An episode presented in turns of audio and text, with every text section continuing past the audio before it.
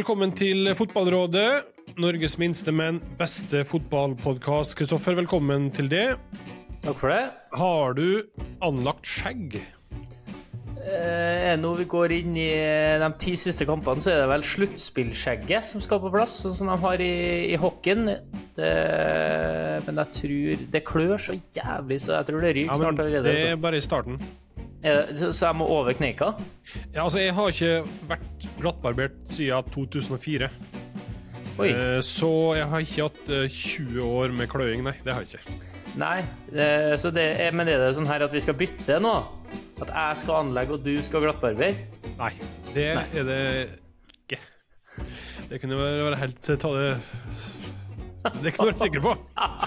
Veldig sikker på. Ja, det kan vi sikker på, ja. Nei, men jeg syns ikke det var så gale. Men eh, jeg ville ville stått litt i det til det ikke klør mer, og så tatt en vurdering. Ja, for jeg har åker i skjeggvekst, så det her er jo bare en drøy uke. Å ja, da er det bra, ja. Så jeg, ta, jeg må jo jobbe med maskiner ofte, men nå har ikke jeg gidda. Nei, men det er bra. Vi skal ha litt Stabæk-prat i dag. Eh, Jon Tunhold skal være med oss. Han er jo sjefen på Nadderud. Og i tillegg ny trener Bob Bradley skal være med oss, og det gleder vi oss til. Ja, veldig spennende. Det er jo nesten en liten revolusjon på Nadderud, i hvert fall uh, ut ifra at jeg lytta til på pressekonferansen, så håper de at ting skal skje, i hvert fall. Og så blir det spennende å høre hva de har å si. Ja. Eh, det er bra. Eh, men før det så skal vi ta og oppsummere litt det som har skjedd i mellomtida, så eh, vi hopper bare rett i det. Bruker som vanlig litt uh, Twitter for å hjelpe oss til å ta opp de viktige, litt sånn tyngre temaene. Vi starter på Lillestrøm, der de spilte treningskamp mot Kongsvinger. Nå i pausen, Uh, live-oppdatert på Twitter. Der da Lillestrøm etter 86 minutter skriver Lillestrøm-partner Rett24NO fikk æren av å kåre dagens beste Lillestrøm-spiller. Valget falt på Sam Rogers. Premie ved eventuelt behov. Halv pris på stillingsannonse på rett24.no. Ja, den- er sterk. Ja, du syns den er sterk? Jeg, jeg syns den er sterk. Den er så at Det er så smal og dårlig premie at det blir bra. Altså, det er jo mye verre med de der halvveisforsøkene på noe som liksom skal være gjevt å få, men bare er sånn med. Da er det bedre å være på det nivået, nesten. Men den premien her den kommer jo aldri til å bli brukt av Sam Rogers. Nei, med mindre han driver med noe vi ikke vet, i hvert fall, så, så blir han nok ikke benytta seg av. Det minner meg om eh, Vi spiller jo litt golf, og det minner meg om sånne par-trehullspremier med hole in one. Eh, der er det jo enormt stor forskjell på hva du får hvis du eh, slår hole in one. Det er alt fra eh, 100 kroner på et gavekort på ProShoppen til eh, sinnssyke varianter. Ja, vi hadde jo sponsorturnering. Der eh, lovte jo eh, SR Bank ut 500 000 i fondsandeler. Eh, hvis du tok eh, hole in one på Jeg tror det var hull sju på Forus. Eh, under turneringa, da, vel å merke. Så du kan liksom ikke gå bort på der hver dag nå og øve deg, men du kunne jo kanskje øvd i forkant, da, spesifikt på det hullet. Selv om det, jeg leste en plass at det var 12 500 odds for den gjennomsnittlige spilleren å få in one. Halv million i aksjefond, altså. Ja, og da kan du jo potensielt sitte igjen og si at du er en 25 når du er med på sponsorturneringa. Så kan du jo Ja, det er pensjon, det. Eh, og eh, fantastisk smart av SR Bank, da, for hvor ofte vil noe sånt slå til. Men nå snakker vi om det, så da har vi opplevd, eh, oppnådd effekten sin, vil jeg tro. Ja, det er helt perfekt. Det er samme som når jeg deler ut sånne jackpot-premier i garderoben fra podkasten på å treffe eh, lykkehjulet. Eh, da er jo folk så dumme at de kjøper seg spins. Eh, 1 til 25 sjanse, og ender jo som regel opp med å tape penger. Eh, OK, eh, Atle Bæsjvensen videre. Han skriver ut av NM, ut av e-cup. Ingenmannsland i serien, men trønderne går mann av huset. Norges største klubb, ingen over, ingen ved siden. Og så legger han ved da et eh, bilde av antall solgte billetter mot Bodø-Glimt. Der er vel nærmere man ser. Eller kanskje har bikka 19 000 nå? Ja, siste oppdatering jeg så, var at de har bikka 19 000, og det er jo ikke noe annet enn imponerende.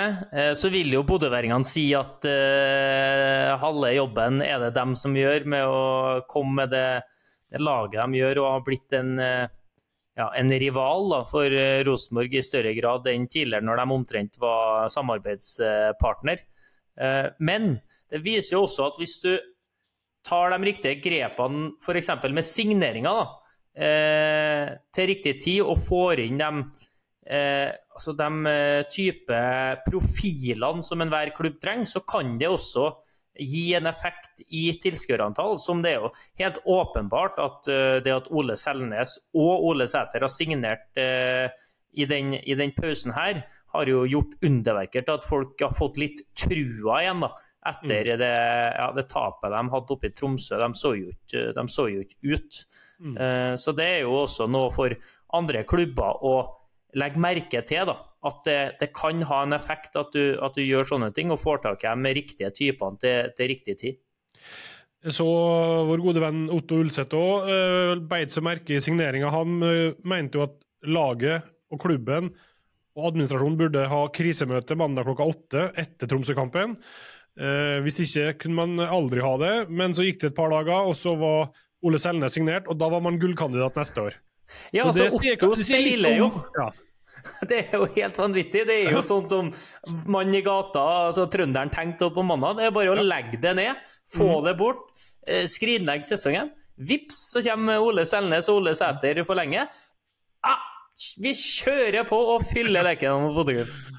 Det er fascinerende. Ja, veldig, veldig deilig. Og veldig gøy at det blir tilnærma fullt på Lerkendal. Det blir, en, eh, det blir garantert en artig kamp. Uh, Gunhild Tollnes, fast lytter, skriv på Twitter Kan vi please få tilbake alt om fotball? Klarer ikke. Hvorfor måtte den dø? Det er da nettstedet som tidligere var alle våre eller alle fotballinteressertes go to-plass for statistikk og oversikt. Den er nå stengt bl.a. pga. noen sikkerhetsgreier som man ikke greier å oppdatere til dagens standard. Men det som er morsomt her, er jo at Odd svarer, Odds ballklubb, nei, eller sjakk. Det, det var vel bare dem som ikke klarte å bruke det. Og de gikk jo på en smell der som brukte alt om fotball som kilde for om det var karantene eller ikke i egen spilletropp. Før HamKam borte. Jeg bare, altså bare tenk om det hadde vært andre veien. Altså, de har gjort feilen andre veien med at de hadde endt opp med å bruke en da, som eh, faktisk eh, skulle hatt karantene. Det var vel Solomon og Wusu, var ikke det? Nei. Nei, Leonard eh, og Wusu. Ja, som, som, ble hjem, da. Han kunne jo ha vært med. Men tenk hvis de hadde bytta han der, og han andre har spilt, da hadde de mista poengene òg. Eh, OK, men eh, jeg skriver under på Gunhild sin frustrasjon. Alt om fotball, altså. For et nettsted det var. Eh, Mats Arntzen, sistemann på tweeten den gangen her, eh, han skriver om Nations League. Eh, alle Det virker som det er i ferd med å bli en sånn liten enklave med Nations League-forståsepåere som skal fortelle oss andre dumme hvordan det nå ligger an der, og det er bra, for det er pinadø vanskelig. Men han skriver Nations League overforenkla. Norge går til playoff dersom to av fem følgende utfall inntreffer. Eh, Tyrkia går ikke videre. De er på andreplass, og jeg tipper at de gjør det. Albania går ikke videre. De leder gruppa si, så det ryker nok. Og så er det Montenegro som ikke kan gå videre. De er på tredjeplass. Der er det håp. Slovenia går ikke videre. De leder, men der er det ett poeng mellom fire lag. Og så den siste, da. Romania går ikke videre. Og de gjør vel sannsynligvis det, da. Så det er Montenegro og Slovenia, kanskje? Er det det vi skal håpe på? At de ryker ut av, eller? Nei, Romania skal til Israel. Eh, ja. Så Israel Altså, det blir en av de viktigste kampene for norsk fotball på veldig, veldig, veldig lenge. Eh, Israel-Romania? Israel-Romania, det er omtrent så du ikke kan skru på noe annet enn den den dagen. Det er vel ikke så lenge til. Fordi at de må helle litt kaldt vann nedover årene til dem som tror at Slovenia ikke skal videre. Eh, for Brekalo kom jo hjem uh, fra samlinga nå, seks poeng, og så sa jeg liksom ja, det blir tight og sånn i Finland. Det gjør shit, så. Vi, vi tenkte. Ja. Jeg sa til ham at hele Norge håpa på at, på at eh, Finland skulle ta dem. Så sa jeg They want sånn. They want. OK. Nei, men det, han har vel OK med sjøltillit, han om dagen? Ja, han har all grunn til det. Og de skal ha Finland hjemme. Det er jo neste kamp. eh, Slovenia mot Finland. Så det blir jo også en meget viktig kamp. Men ifølge Brekalo så er det bare Ja, vi har jo gitt ut noen oddstips i løpet av eh, poddens uh, tid. Og da er det vel Slovenia hjemme mot Finland som er klink. Hva må Norge gjøre oppi alt det her, da? Ingenting, eller? Det spiller jo ingen rolle. Det er jo det som er så sykt. Ja. Men det er, jo, det er jo her man kan sitte igjen med at det hadde jo bare vært å eh, slått Slovenia i Slovenia for å sikre den der Nations League-seieren som man røyk i siste kamp, også med å tape hjemme mot Serbia. Da hadde man jo kunne også sagt at det her var en prestasjon, altså en playoff vi faktisk fortjener gjennom prestasjonene. Nå blir det til tross for. Så ja. Fordi, ja, det blir fordi Israel slår Romania. Eh, Så Nei, vi skal jo ikke til Tyskland med bismak. Det Det Nei, nei, skal nei, vi glemme. altså, hvis vi skal til Tyskland, så er det all in tut og kjør. Men ja, det er spesielle tider. Nei, men det er bra. Vi kan bare nevne at du har jo uh, fått uh, sjekka av en bucketlist, kommentert uh, fotball sammen med Olav Tråen. Det må Ja. vel være en opplevelse for de få. Ja, det, det var fantastisk. For en mann! For en mann, og for en dedikasjon, og for et Mm. engasjement. Det er enestående. Bra. OK. Du eh, får ikke blitt med på pr praten med Bob Bradley fordi du skal i et eh, spillermøte, forstår jeg? Ja, og det er langt. Og det, ja, det er egen verden. Ja, Så jeg får ta engelsken alene. Det jo ikke, har jo ingenting med det å gjøre, selvfølgelig. You are very great in English. I am a boy og alt det der. I am a boy you street is you are. Who are? Nettopp. Nei, men Bra. Da tar vi og gjør et bytte. Eh, Du ryker ut, og så kommer Bob inn, og så tar vi en prat med Stabæk-treneren. So, Bob, welcome back to the Norwegian uh, Eliteserien. Uh, how does it feel to be back in Stabæk and at Nadderud? It feels very good. Uh, there's so many good people in and around Stabæk uh, that I've stayed in touch with many. Uh, have uh, a really good feeling about the club, the history, and uh, in those ways, it's very, very good to be back. I've seen so many people that I remember in a very good way. Um, the last time you were here, it was uh, I remember you um, compared your time here with the Bruce Springsteen song "American Dream." Uh, if you were to kind of uh, use his references for what you have um, taken upon you to save the club, what what can you say? Do do you have a Bruce Springsteen tune that comes to mind, or how will the next months be? Well, the Springsteen song that we still talk about a lot here is Ties That Bind. That's more about the connection of everybody in the club and, and the idea that uh, when you build those connections, they never go away. Uh, as far as the work that's there for us, uh, the first thing is to try to restore some confidence and some belief, uh, to try to get the group to breathe again because you could see in recent matches the tension, uh, you could see the frustration, uh, and and then for sure there has to be this idea that uh, we're ready to go for three points in every game. That we understand as the the game moves along how to keep going, how to try to compete for the next play and make a difference uh, to to find ways to take the points. Um, from what you've seen so far, um, where where do you start? What's your first things to do um, to make this uh, work? The first things uh, were simple to uh, uh, try to create trainings where we start to push the tempo, where we get guys to uh, play a little bit quicker, move forward a little bit quicker, uh, start to create game situations where we can coach some details and, and try to get training going in a way that we can see more what everybody's all about, uh, where we can work on yeah, some of the details of a team, how the ball can move a little bit faster, how as a team we can create the actions to get forward, uh, to get into the box, to make some chances. And then, of course, when you lose the ball, uh, how are we going to go about uh, defending ourselves? Um, from what you've seen uh, of the squad, uh, there's no uh, possibilities to make any changes now. Uh, how do you rate the squad, and which uh, possibilities do you have for avoiding dropping down? Uh, the response in the first three trainings has been very, very good. Uh, the players uh, show that they're still very committed to everything. They understand with 11 games to go that it's all to play for.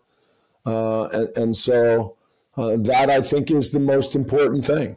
And, and so we see the challenge that now we've got to take the work that's been going on in training uh, yes, we are trying to do some things a little bit differently, but it's it's not possible to come in and change everything in, in a few days. Um, but uh, some changes in ideas, some changes in mentality. Hopefully, this can give us the confidence to go after uh, games in the right way. Do you think your uh, history at the club um, gives you some kind of advantage or um, makes the players kind of respect you more, if you know what I mean? Or does your history mean kind of nothing? Uh, I, I think that uh, when when I come back here, I think it still means that the the the connection with some of the people in the club and the connection with some of our supporters that still becomes positive. Um, that we we all have this challenge ahead and uh, that we're ready for it. Uh, I don't think the history means so much to the players. I think you you start to establish ideas on the field and you give them confidence with the tone and with the message and and with the encouragement. So uh, I, I think those are the most important things with the players. How does Bob Bradley see these types of challenges? Does he thrive? Does he like them? Uh, how do you attack them? for sure, I enjoy moments where there's challenges where you try to get a group to be strong and to sort of shut out all the the noise around the, the, the team and to focus on the work that can be done every day and to accept that challenge. Uh, so I think that uh, that message is out there. Uh, you know, I, I I said to the group that when I came to Stabæk the first team the first time, the team had just come up also from the second league. Uh, and there were many in Norway that doubted that Stabæk had the ability to stay up. And when we started working at the beginning of 2014, uh, we would always say that uh, there's two ways to do it. One way is to sort of play every game in a very, very careful way and hope that you can take one point enough times and just barely keep your head above the water. And the other way was to say, no, we're going to become a good team. We're going to play football. We're going to go after three points every time. And we're going to have enough days where we take three points that that's how we're going to stay up with our football and our, our belief in the work every day.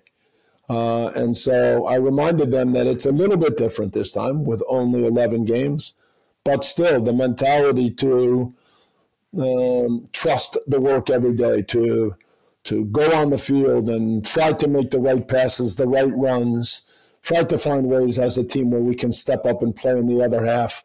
These are still all things that uh, become important. So hopefully we can we can see some of those things already on Sunday.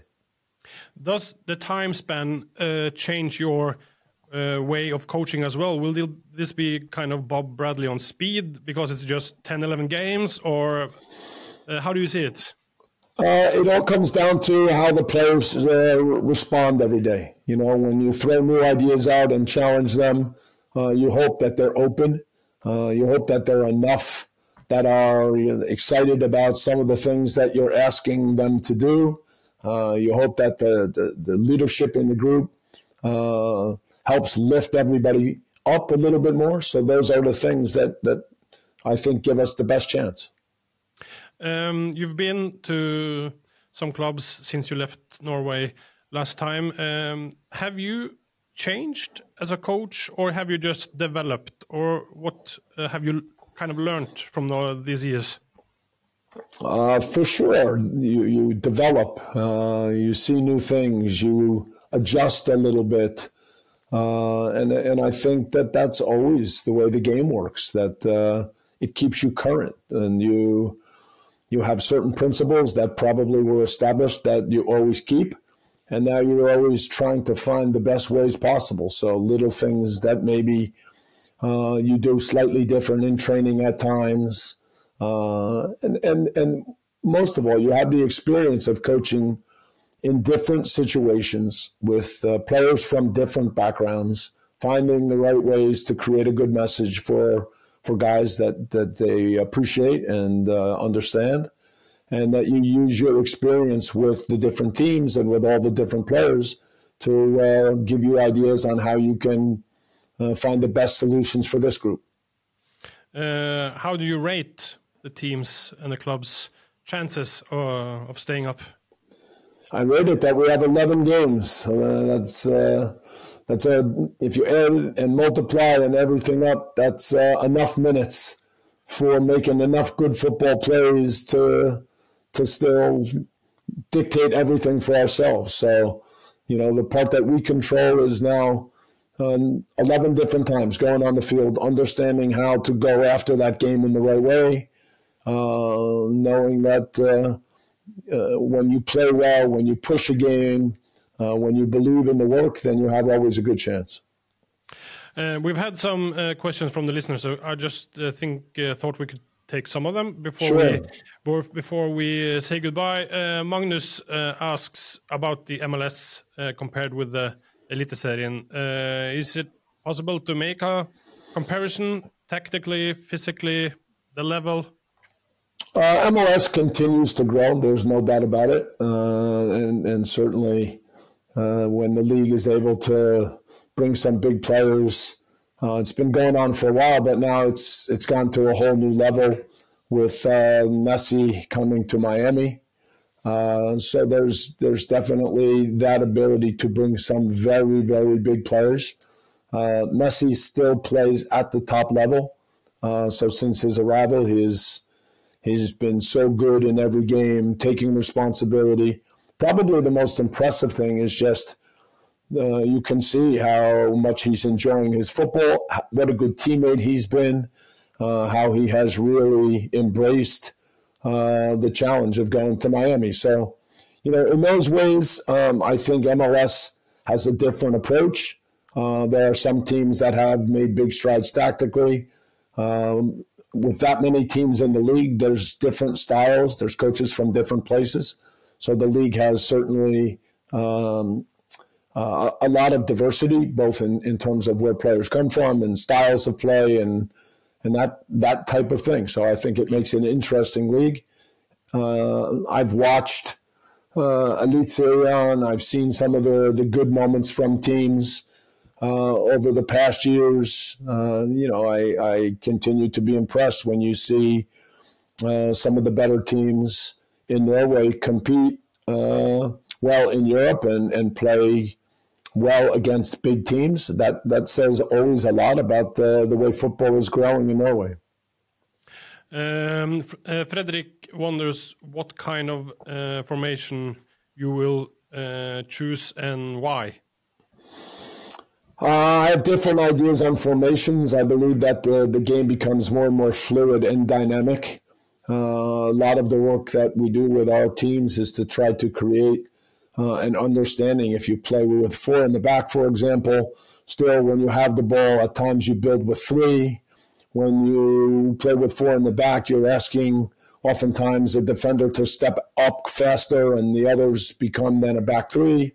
So there's all sorts of different situations that need to be worked on, uh, and and I think the teams that are the the most fluid, the most connected, those are the teams that tactically end up uh, being most difficult to play against.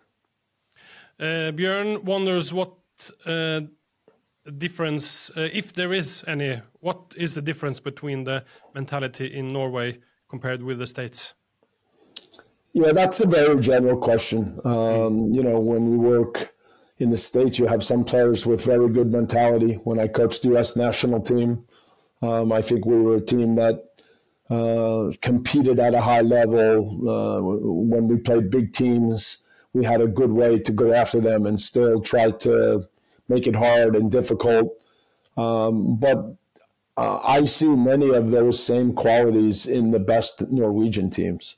So there are certainly some similarities there where uh, the mentality to be a winner and to compete, uh, maybe there's some some good similarities, and uh, that's the reason why we see so many uh, top athletes in the U.S., but for uh, obviously a small country, Norway is flying right now. You know, you see um, what's going on in football with Holland and Udegaard and so many others, and then you see uh, Kasper Ruud and Hovland and uh, Ingebrigtsen, and so this is still pretty impressive.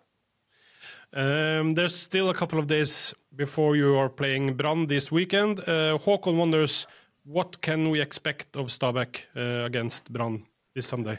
We expect uh, a really strong team effort from the beginning to the end. We expect uh, a commitment to go after three points. Um, Mats, uh, the only question we will ask that's not related to Norway or uh, Stabæk, he wonders if you were to uh, take on Swansea again, what would you do different? Uh, I wasn't there long enough. There was the promise of a transfer window. I felt that there were changes that were needed for sure. We were discussing players that I thought could come in and make a difference. But then, what would you do different? In the short run, you find a way to just take points. Um, I thought there were some games in in those eleven where we had opportunities uh, to take more points. We had uh, 0-0 at home with Watford, where for sure the opportunity to take three points was real. We played quite well away at Everton, uh, ended up one-one. Uh, that was the day where I felt like we needed three points. So the key when you get to England is in the early period is to take enough points that you have a little foundation to try to grow, get to a transfer window. Um, but uh, look, the league is um, so competitive, uh, and and the margins are so small that if now you know you go through a stretch and you just let a few points slip away, then sometimes you don't control the timing and uh, the opportunity is finished. So uh, I was disappointed because uh, when I arrived at Swansea, uh, the excitement to be there and. Uh, I felt that there was a great history in the club, and I just wish that we had found a way in the early phase to take a few more points so that maybe some of the things that I felt we could do as a club could have developed more. I think uh, for us who followed Norwegian football for some time, one of the iconic moments from when you were uh, here last time was when you ended up in a um, quarrel with uh, then uh, uh, football expert Joachim Jonsson in Molde. He called Stabæk uh, the play for a disaster, wasn't it? Do you remember it? Yeah, I've, I've had many people ask me about that. Um, he said that tactically we were a disaster. Uh, but look, it's live TV, so if I disagree, then in the moment I'm supposed to uh, react in a strong way. And uh, whether I think I said to him, yeah, we watched the game together. We've never done that, but maybe when he went back and watched the game, uh, he saw some things different. I'm not sure. But uh, look, that's football. Not uh, you don't always agree in, in, in hard moments, and uh, you know I think that uh, in the two years that I was uh, with Stabæk, I, I hope that people saw a team that had good ideas, a team that was fun to watch, a team that. Uh, wasn't afraid even in tough moments. You know, I know that in 2015, um, it was important for the club on the last day of the transfer window when Hull came in for uh, Diomande. Um, we were still pretty close in the table to Rosenborg, and we still had a semi-final with Rosenborg. So two times we went to, to Lerkendal after Dio got sold. Um, unfortunately, we lost uh, uh, in a regular match very late, 1-0. Uh, if it was VAR, I think Nico Mess's goal would have counted before that. Um, the cup match was actually really good. We lost 2 1. But I think those matches were indicative of a team that even when uh, Dio left for Hull, everyone still believed that we could play against a, a, big team like Rosenborg and, and go for three points. And so hopefully we can have more of that uh, with this group. Was uh, his uh, remarks the the most uh, rough or unfair criticism you've ever received, or how would you rate it? No, this is part of what we do. I, have had a few moments where Uh, I take exception to the way something was said, uh, but it's like I said, football is about opinions, and if you believe in your work, if you believe in the the, the team that you are coaching and building, then you always uh, have a strong opinion about what uh, people say. You will meet him uh, in October, I think, when Stabæk goes to uh, Intility playing Vålerenga. Uh, I, uh, I assume he will find you and say say hello. Yes, I hope so. Um, finally, is there key moments this autumn you've already picked out? Uh, for example, the game against Vålerenga, or how do you? Um, what's your re reasoning? Yeah, I mean, I, look to begin with, it's a key moment on uh, Sunday uh, because obviously uh, it's an important home game, and and hopefully we can show our fans that we are ready for this last stretch. And then for sure, you can look at other moments whenever Stabæk go and play against Vålerenga. Uh, that game carries extra importance this time around. Uh, with the, the positions on the table, it will even be more so. So, uh, but but let's face it, it's 11 matches uh, where every match there's three points available, and so we must find uh, the best way to compete for all 33. You have, uh, I think, for the guys as me who don't know you, the image portrayed is quite the rough guy, the tough guy. But going back to Stabæk, does that kind of um, is it a romantic feeling for you? Is it some emotions stirred up, or is this just another uh, job? No, this is not another job. Um, look, I, I have in uh, my time had some very good relationships with players and some very good relationships with cities and clubs. Uh, you always hope that when you go somewhere, um, that the way you work, the way you carry yourself, the way you are with uh, with people uh, means something. Um, you know, I think most important is to be real, uh, to sh- to show people that you care, uh, that when you go somewhere, that you understand their club, you get to know the club. And so when I was here for the two years, uh, yes, I, I know so many people. I knew people that were part of the effort so many years ago to bring Stabæk from the fifth or sixth league forward or up. Um, I've stayed in touch with some of those people. Uh, and, and I always appreciated the values and the, the, the, the, the, history of Stabæk and, and what so many of these people were all about. Uh, the first time I came here, it was uh, at a time when financially the club had sort of hit a difficult time. And yet the, the same people were still there. They hadn't disappeared. They still cared just as much about the club as the day they uh, started dreaming about the top league. And so when you're part of that type of club with those kind of people, uh, you know, it sticks with you. And, and so uh, it's in all those ways that uh, uh, we're excited to be back. And I'd also say this that for two years, um, I loved being part of the football community in Norway. Um, I took the UEFA Pro course in Norway uh, with some really good guys. And so, you know, for example, when I still watch Molde uh, do well in some of the European games, uh, Erling Moe's a really nice guy, and uh, he was in the same course with me. I think Tromsø has played some really good football this year. And uh, is a guy that I got to know really well. Uh, so, you know, you, you, you're part of a football community. You see everything that continues to happen in Norway, some of the incredible young talent. Um, before I got to Ullevål the other night to see uh, the game uh, Norway versus Georgia, uh, we watched the first half in Drammen. And uh, the under 21s have some real talent. And I'm very proud to watch them because Jan Peter Yellen was working with me at Stabæk when I was here in 2014 and 2015. And I think he's doing an awesome job with the under 21s.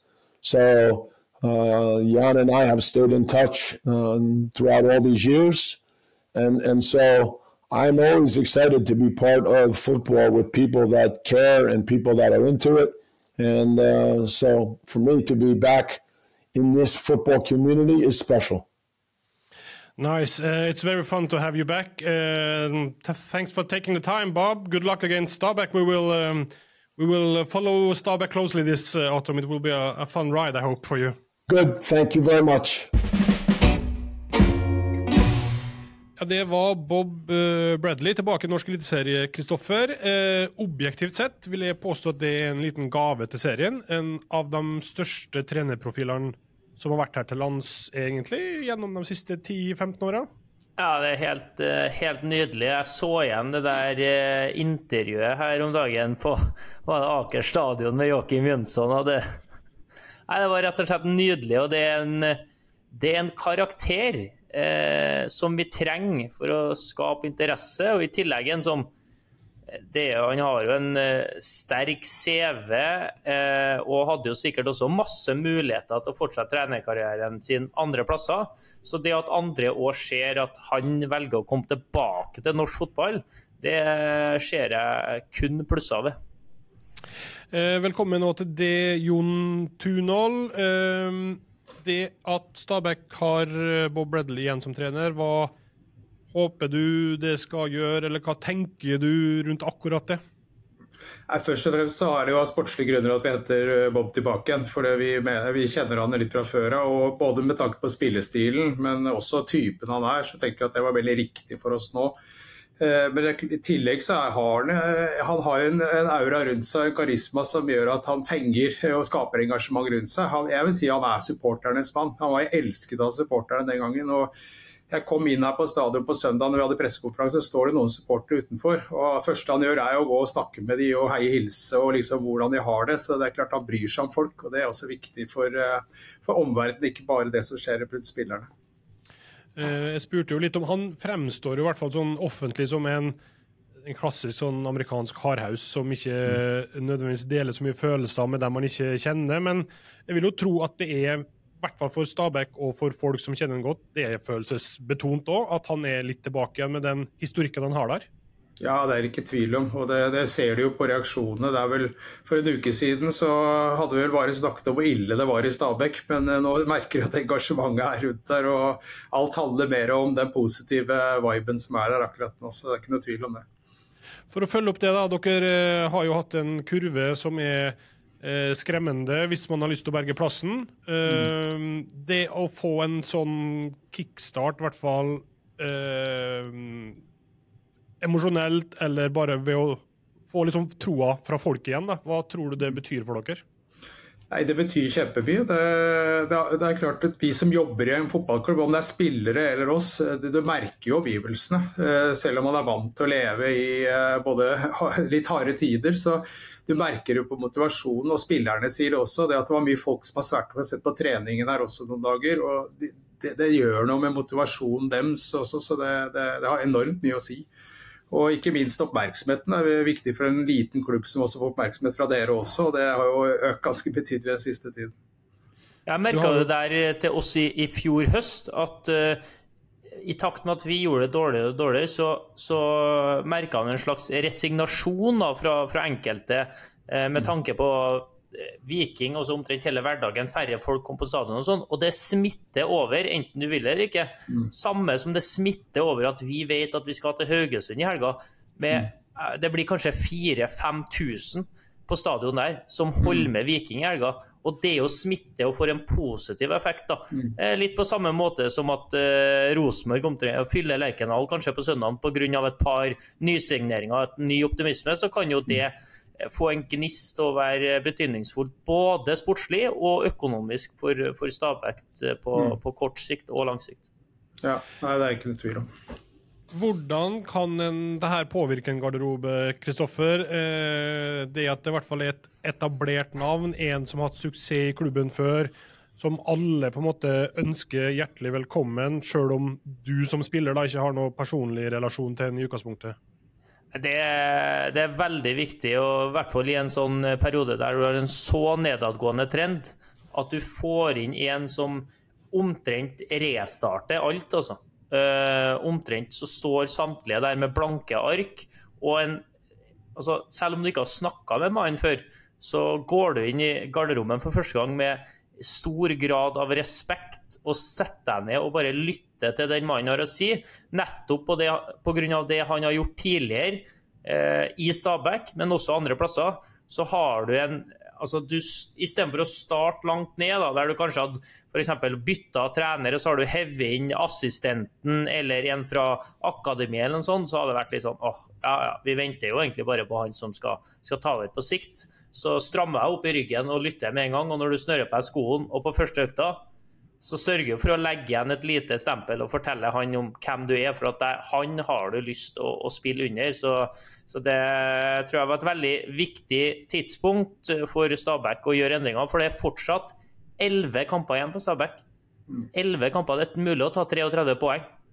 Så det, det, er god tid, selv om de, det begynner å haste litt, så, så, har de egentlig en hel høst å gjøre det på, ikke bare fire-fem kamper. Var det et lite stikk til professoren i Haugesund, eller? Nei, lite. Eh, vi skal ikke se mye bakover i tid, men bare helt kjapt, Jon. Vi hadde jo Lars Boinen her for noen uker siden, og han, da var det jo eh, inni den der eh, tørketrommelen der, der alt er litt vanskelig å, å få oversikt over.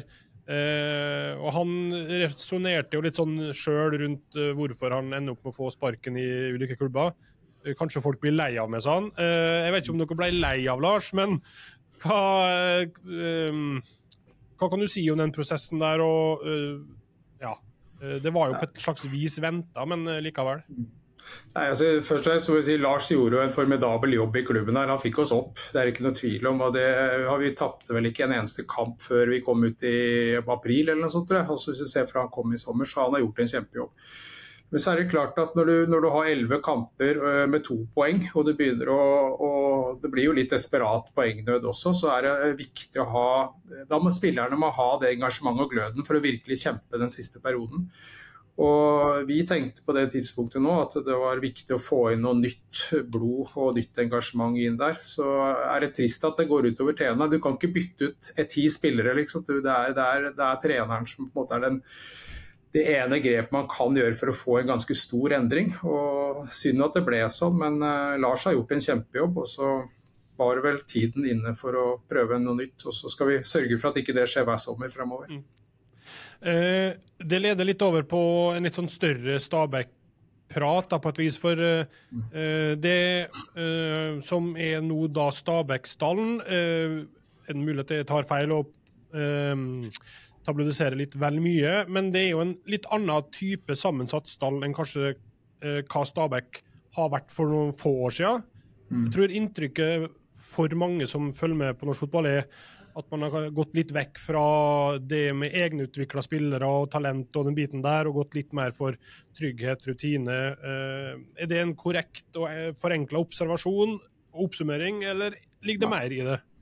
Nei, Det er korrekt observasjon. og det kan jo si at Det har ikke vært full enighet om, om dette her uh, internt heller, dette med alderssammensetning og sånn. Men samtidig så Lars er veldig tydelig på at han ønsket å, en eldre uh, spillerstall nå for å etablere oss i Eliteserien. og Dette fikk han jo for forankret med styret, så, så det, er, det, er forankret der også. men vi, en, vi, skal være en, spiller, en, klubb som utvikler unge spillere. Vi skal også spille unge spillere. Det har vært uenighet i forhold til hvilke spillere Lars har disponert, men det er trenerens uh, privilegium å velge.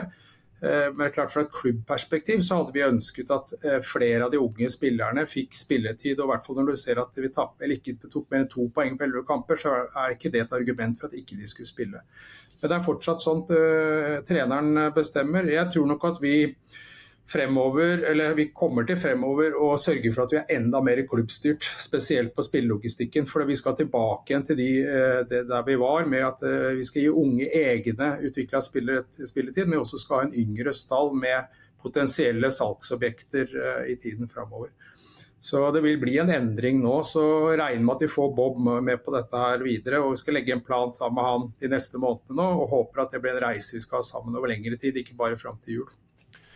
Ligger det der en eh, Tar du noe for sjølkritikk, eller er det mer eh, Lars som på en måte eh, styrte det? Eller er det en kombo av begge deler, eller er det Nei, kan, vi kan ikke legge det på Lars. For Lars han har jo fått altså fikk jo lov til å hente en eldrestall, eller Torgeir fikk lov til det. Så, så det ligger hos oss. Og så er det jo sånn at man må se på om man skal være litt mer eh, klubbstyrt i forhold til hvilke spillere som hentes inn. I prinsippet hvor mange spillere skal vi ha i alderen 28 til noen og 30 år, som ikke nødvendigvis hever nivået eh, veldig mye. Det, det, vi må, vi, I fremtiden så må nok vi bygge en stall med kanskje enda eh, bedre etablerte spillere i sentrallinja, og for å gi rom for å spille litt yngre urutinerte. Og så har det noe med spillestilen å gjøre også. Hvis du skal spille skal du eh, etablere deg som et lag som har mye unge spillere, så er du nødt til å spille en type fotball som ikke krever så mye duellstyrke som det kanskje den type fotball vi i hvert fall har spilt den siste tiden. Mm. Så Det er også det vi kommer til å jobbe med, er å tydeliggjøre spillestilen enda større grad. Hva skal Stabæk være i tiden fremover, og sørge for at uh, vi har trenere som ønsker å spille på samme måte. Hva tenker du, Kristoffer? Når du hører det Jon sier? Jeg tror det er veldig viktig at Stabæk bruker den tida her på å finne seg litt sjøl igjen. Eh, fordi at det, identiteten til Stabæk som jeg er kjent med, er jo Jeg husker jeg spilte mot dem for Ranheim i, i fjerde, og jeg tror det ble 1-1. og Morten Thorsby spilte, og Daniel Granli tror jeg utligna et veldig viktig mål en sesong Stabæk rykka opp. og det var, det var liksom ikke det var ikke til tross for at Stabæk brukte unge spillere at de ble gode. Altså, det var pga. at de hadde den modellen de hadde, at de lykkes og ble gradvis bedre. Så det er jo litt samme som i, i Ranheim, så sa alle sånn åh, det er jo bare trøndere på laget, og likevel så er dere gode. Nei, det var derfor vi var gode. Altså, det var pga. at vi hadde en sterk identitet som skapte et voldsomt samhold, og vi trodde på det litt over tid. Derfor ble vi gode. Ikke liksom at oss likevel så klarer dere det, men vi fulgte den veien. Og, og, det er jo som eh, Jon sier at når man da har prøvd en, en, retning med eldre spillere, og man har tatt to poeng på de siste 10-11 kampene, så sliter han jo med argumentasjonen for at det var den riktige veien å gå. Så da har man enda fått mer vann på mølla for at man må dyrke sin vei med et akademi som alle dem jeg snakker med, alle de talentene jeg har sett opp gjennom tida som har kommet, er fantastisk. Eh, han vi har sett i et par landskamper nå. Eh, han opplevde vi sjøl nede på SR-Bank her eh, da han fikk sjansen som 16-åring eller 15-åring eller hva det var, Nusa, da, og skåra to. Så at eh, Stabæk finner den retningen, den tror jeg er viktig. Og så er det som man sier at man må jo fortsatt kjøpe inn noen. Man må jo fortsatt ha topp kvalitet, også for at de unge spillerne her skal se litt hvor lista ligger og noen som drar dem i riktig retning. Og Der har jo eh, jeg vært en del av en klubb som har vært veldig både heldig og dyktig de siste årene. At vi har en del utenlandske spillere, men de utenlandske spillerne vi har, de er blant våre beste. Utfordringa til en klubb kommer når du henter utenlandske spillere som knapt nok er bedre enn de unge som kommer opp på trening og viser seg fram på akademiet. For den praten går ikke bare innad i garderoben, men i hele klubben. Jeg hadde sittet der og vært eh, ganske frustrert sjøl som akademitrener eller en som hadde jobba døgnet rundt hele året for at Stabæk skulle ha fostra nye talenter. Og hver gang jeg prøver å pushe en opp i riktig retning som skal få sjansen til å vise at han kan å svømme, så ser jeg på trening at han som er knapt nok uh, interessert i å være der, annet enn for å komme seg gjennom og, og være klar til neste kamp, der han nesten ikke presterer, som er henta fra øst eller vest.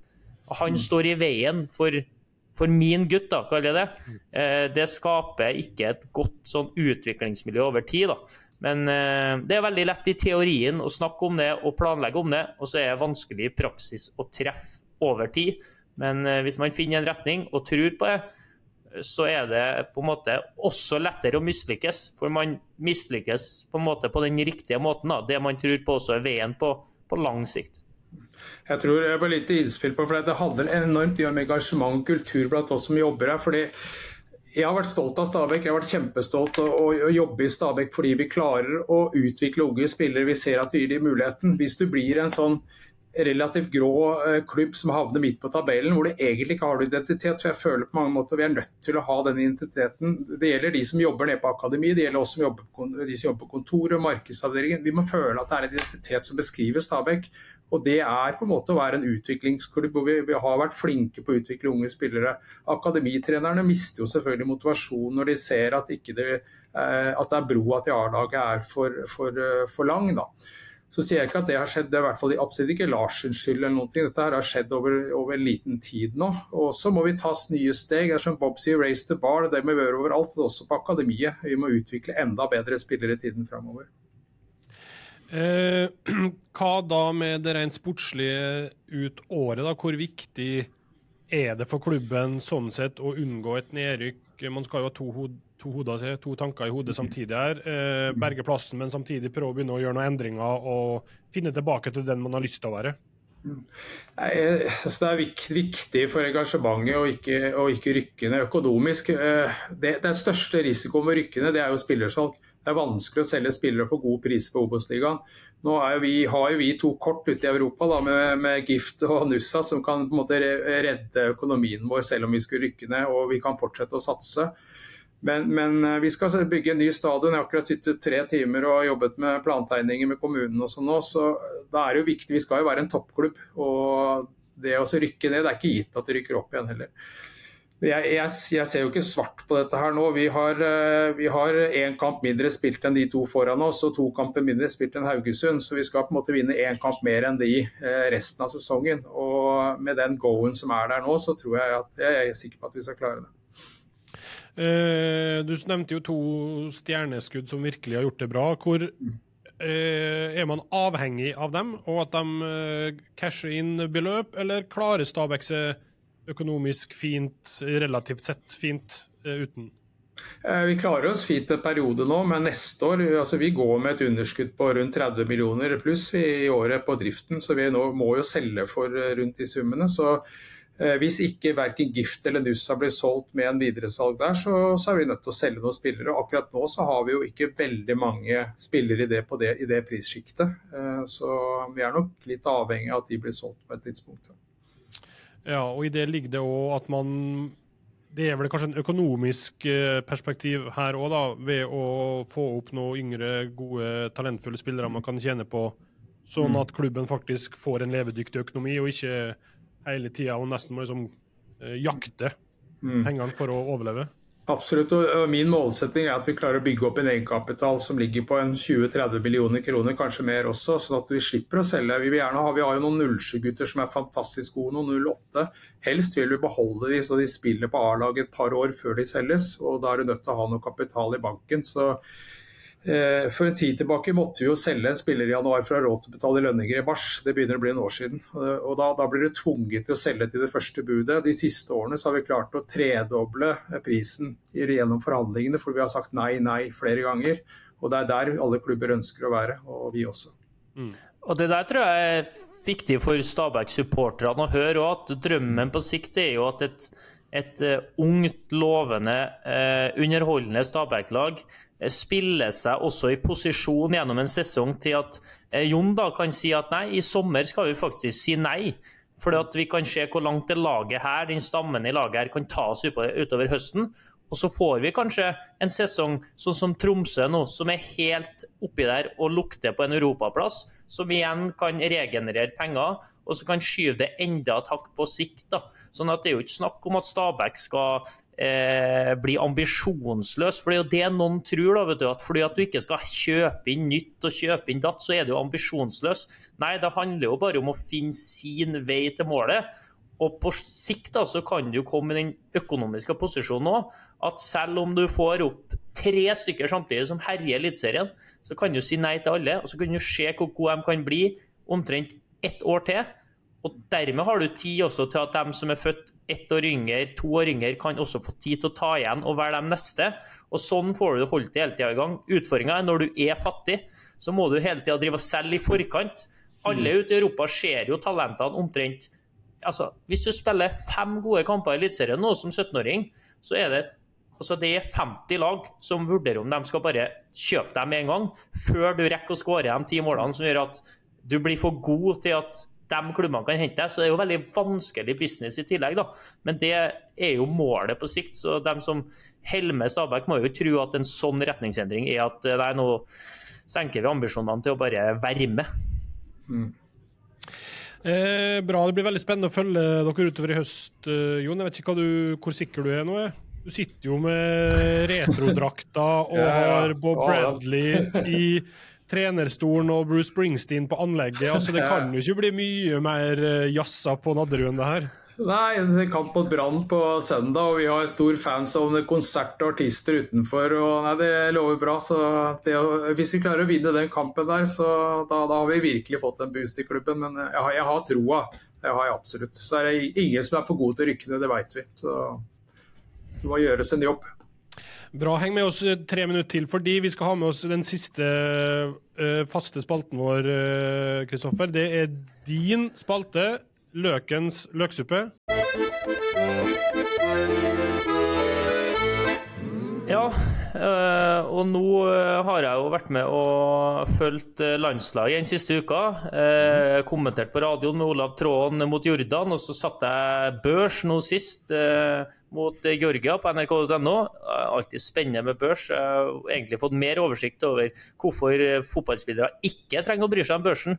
Jeg sitter jo her, og det er jo veldig subjektive meninger og noe du skal på en måte eh, synse litt om da, på, på kort tid. Men det som eh, noe generelt som irriterer meg eh, med den eh, gjennomsnittlige fotballsupporteren, er måten man eh, forhåndsdømmer eh, spillere fordi at man har bestemt seg for at han eller han eller hun eller hun nei, liker ikke man. De er ikke gode nok.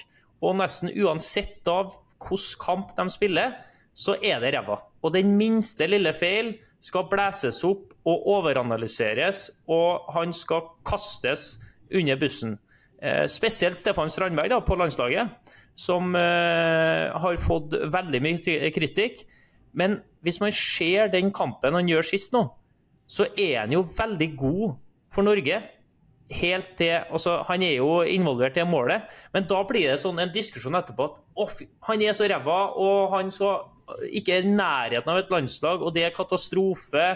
Og fy faen, bare brenn på bålet, ikke sant. Så det er kanskje et samfunnsproblem òg. Sånn er vi. liksom, Vi skaffer oss en oppfattelse av hvordan andre mennesker er. Så nekter vi, uansett hvilket inntrykk de gir oss i ettertid, å endre mening på det. Harry Maguire borte i England nå, det er, jo, det er jo mobbing det som foregår. Altså, Det er jo helt fryktelig. Det er helt jævlig. Så det er fordummende òg for eh, fotballdebatten hvordan vi ser kamper og diskuterer om hva som foregår. Hvis vi hele tida skulle komme inn med et sånn forutinntatt inntrykk av at han eller han eller hun eller hun er ikke god nok, uansett hva de gjør da, så er det ikke godt nok. Altså Strandberg han må skåre tre mål han, og holde, ta clean sheet og sånn for å kanskje få seks på børsen til andre mennesker. Eh, så ille har det blitt, altså. Så det, det må folk slutte med, enten det gjelder klubblaget de følger med i hverdagen, eller landslaget, eller hva det er for noe. Det, det, er greit. Alle skal jo diskutere et laguttak, og at du mener at han eller han ikke skulle ha starta. Men når først en kamp er i gang, da, så må jo på objektivt grunnlag klare å se om, om vedkommende presterer eller ikke presterer. Det, nei, det er bare provoserende, rett og slett. Irriterende. Hva fikk, hva fikk Stefan på børsen? Eh, han datt ned fra seks til fem på det ja. siste involveringa her, for jeg syns han skulle ha kommet fram og klarert. Men før det så syns jeg han gjorde en veldig god kamp. Forståelig hjertesukk fra Stavanger, Jon? Ja, absolutt. Men jeg kan jo si det sånn at jeg har vært frustrert over trener også, jeg som er forutinntatt på enkeltspiller eget lag også. Jeg syns det er litt for ofte så ser man bare feil ved noen, og så ser man bare riktig ved andre. Men det, så er det klart at dette med, med, med sosiale medier, det som skjer rundt nå, det er noe jeg mener vi må ta et oppgjør med. Det gjelder trenere, det gjelder sportssjefer, det gjelder til og med daglig leder i enkelte klubber. Som, og det begynner å bli så Det ordspråket er så stygt, og, og, mobbing, som du sier. og det man ikke tenker på at det er familier, det gjelder, om det er spillere eller ansatte, om det er, det er barn eller foreldre også som leser dette. her, og det, Jeg tror de fleste av oss som står i det selv, vi tåler det fint, men det er en del mennesker rundt som kanskje ikke takler det like bra. Eh, tenk, ja, tenker du da på noen konkrete ting i år, eller at det er en, et klima som er annerledes? Jeg syns klimaet har blitt verre. Så I egen klubb så var det jo perioder når vi rykket ned med, med, med på en måte det blir, det, ordspråket som brukes mot om det er trener eller sportssjef. Men jeg må jo si at det, det som skjedde i Brann i fjor rundt Vibeke, det som skjedde med Erik i, i Vålerenga nå Jeg sitter jo tett på de, for jeg kjenner de godt. Jeg får jo ordentlig vondt inni meg når jeg ser hva som skjer. Uansett hvor god eller dårlig jobb de gjør, så, så er det ingen som fortjener å få en sånn hets som dette her. og det jeg syns det er trist, da. Og lurer noen gang på om man har lyst til å være en del av et sånt, uh, noe sånt noe. Men uh, mm. sier jeg ikke det som forsvar, jeg får litt det òg, så jeg tåler, tåler, det. Men uh, jeg syns det har blitt gått for langt. Ja, vi, vi, lever jo i en bransje der vi så fortjent får litt kritikk, og vi ønsker jo masse oppmerksomhet og sånn, men mm. folk må oppføre seg som folk, og så tenk på hvordan du ønsker å eventuelt motta noe fra noen andre rundt deg, om, hvis de er misfornøyd med noe du gjør. da Eh, send av det på samme måte, så blir det veldig mye bedre. For alle er åpne for kritikk, og vi fortjener det ofte òg. Men eh, det er forskjell på kritikk og hets, da. Og mm. det som bikker over til å være mobbing av eh, enkeltindivid. Mm. OK, eh, bra. Vi får ta det som en oppfordring, vi som kriger rundt på Twitter og Instagram og hvor det nå er hen. Eh, dere møter jo da Stab nei, Stabæk Brann til helga, Jon. Du har litt troa. I hvert fall eh, kjenner på at det bobler litt under drakta. Ja, jeg gjør det. Jeg synes jeg ser et engasjement på trening og der, hvordan filler'n har løfta seg siste uken. Og så, så, har vi fått Assar inn, så han skal jo sørge for å knekke den koden for oss. Så får vi se, da. det er jo altså det er nesten som å ha en undercover og hente Assar fra Brann uka før. Ja, det, var ikke, det, var ikke, tilfeldig. Det var ikke tilfeldig, det kan du være helt sikker på. Uh, det skal dere ha. Great move. Uh, eh, FKH på bortebane, Kristoffer. Har Stavanger-publikummet kjøpt opp hele stadion, omtrent?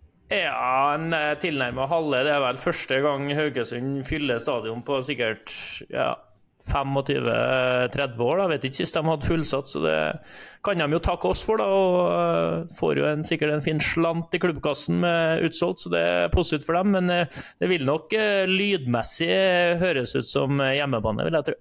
Ja, Dere har begynt å tape, dere nå? Eh, nei, vi vant uavgjort, ikke bare. Begynt, begynt å ikke vinne, heter det. Spørsmålet kom allerede. Hvordan skal dere komme dere tilbake på, ja. på, på, på ja. Da, vi har ikke vunnet på tre uker. Ja, men bra. Tusen takk for at du var med oss, eh, Jon. Veldig hyggelig, og lykke til i høst. Og det samme til det, Kristoffer. Selv takk. Ja, selv takk. Ja. Og så høres vi igjen Ja, bra. Og så høres vi igjen om ei uke.